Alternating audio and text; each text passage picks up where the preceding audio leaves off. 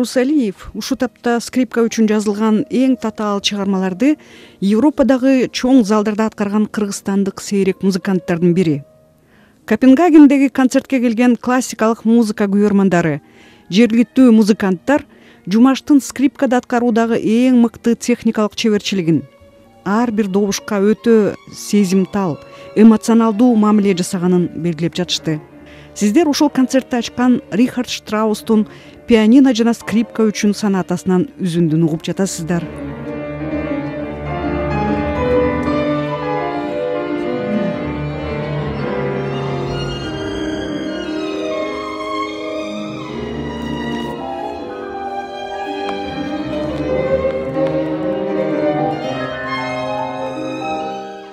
Жумаштын апасы айнур дурусалиева жана атасы медет ибраев экөө тең музыкант баласынын музыкага кызыгуусун жөндөмүн кичинекейинен байкап калышып алты жашында бир кезде өзүлөрү билим алган бишкектеги мукаш абдраев атындагы атайын музыкалык мектепке алып барышкан. Азыр эми лондондо пианинодон сабак берген айнур дурусалиева уулу чоң профессионал музыкант болгонго чейин басып өткөн татаал жолго учкай токтолду. Эгерде жумаштын чыгармачылыгынын өнүгүшүн карасак классикалык музыка дүйнөсүнө жумаш биринчи кадамын кыргызстандан баштаган алты жашында абдраев мектебине өтүп казбек бекмуратовдун окуучусу болуп окуп жүрүп көптөгөн конкурстарды жеңип анан таланты күчтүү болгондуктан он бир жашында улуу британиядагы эл аралык менухин атындагы кыл аспаптар мектебине кабылданган. Жумаш музыканын практикалык жана теориялык аспекттерин математика илими сыяктуу эле албетте абдан терең өздөштүргөн. Окуу учурунда жумаш өзү да талыкпастан эмгектенип көптөгөн стипендияларды жана асыл антиквардык аспаптарды жеңип алып жүрдү да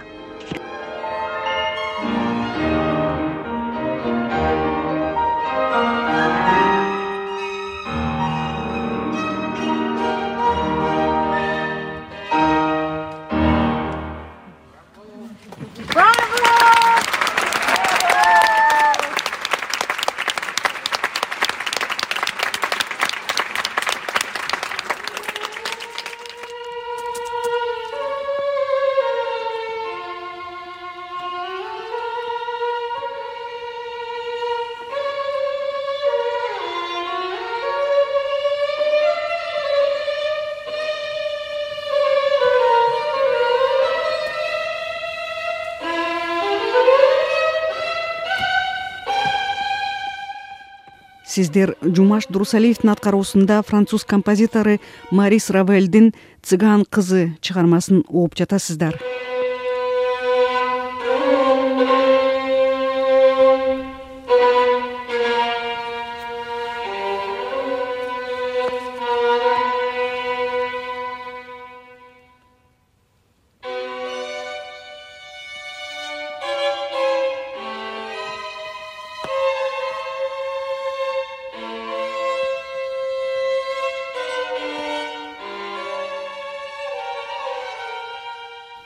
абдраев атындагы музыкалык мектептен кийин алматыдагы музыкалык мектеп андан көп узабай лондондогу егуди менухин атындагы атактуу музыкалык мектепте билим алган жумаш дурусалиев кийин британиядагы падышалык музыкалык академияны магистр даражасында аяктаган.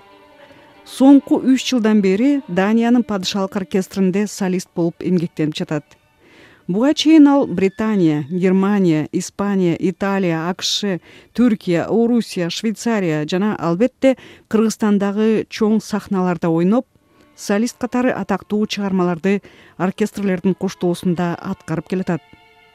Дүйнөдөгү ар бир таланттуу скрипач атактуу мастер антонио страдиваринин колунан чыккан байыркы аспапта ойногонду кыялданат.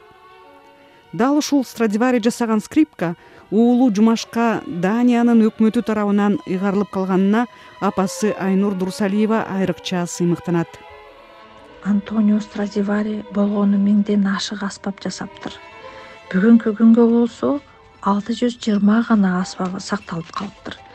Анын бириси менин кара кыргыз уулума ыйгарылса абдан өзгөчө толкундануу болот экен сөзсүз э, дания өкмөтүнө ыраазычылык соло же бүт концертин жумаш э, кечээ күнү эң мыкты аткарып берди. Бул өзгөчөлүк сыйлык биздин кыргыз элине жана акылдуу момун кыргыз жаштарга да чоң илхам. Копенгагендеги концертке келген көрүүчүлөрдүн бири профессионал музыкант анна мария жумаш турусалиевдин скрипкада аткаруу чеберчилиги аны таң калтырганын толкундана айтып берди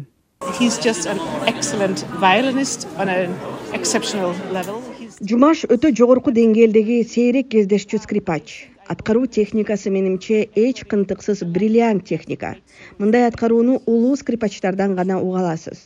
Жумаш чынында азыр эң таланттуу улуу скрипачтардай аткарды баарын. Ал ойноп атканда скрипкадан чыккан ар бир добуш ушунчалык назик сезилип жан дүйнөнүн кылдарында аткарылгандай сезилип жатты.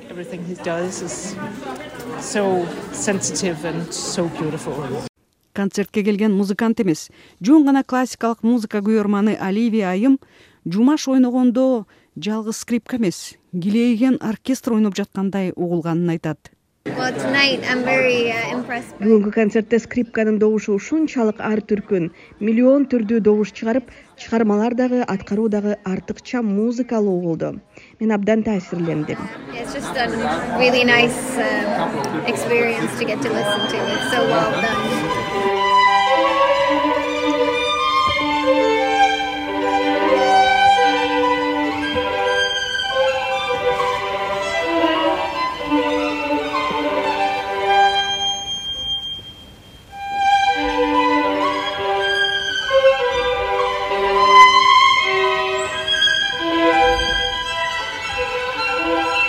копенгагендеги концерттин экинчи бөлүгүндө жумаш дурусалиев сегиз кыл аспаптуу ансамбльде мендельсондун актетиндеги биринчи скрипканы аткарып угуп отурган музыка күйөрмандары далайга чейин кетирбей суранганда скрипка үчүн эң татаал чыгармалардын бири саналган австриялык композитор генрих эрнсттин жайдын акыркы розасы чыгармасын аткарып берди.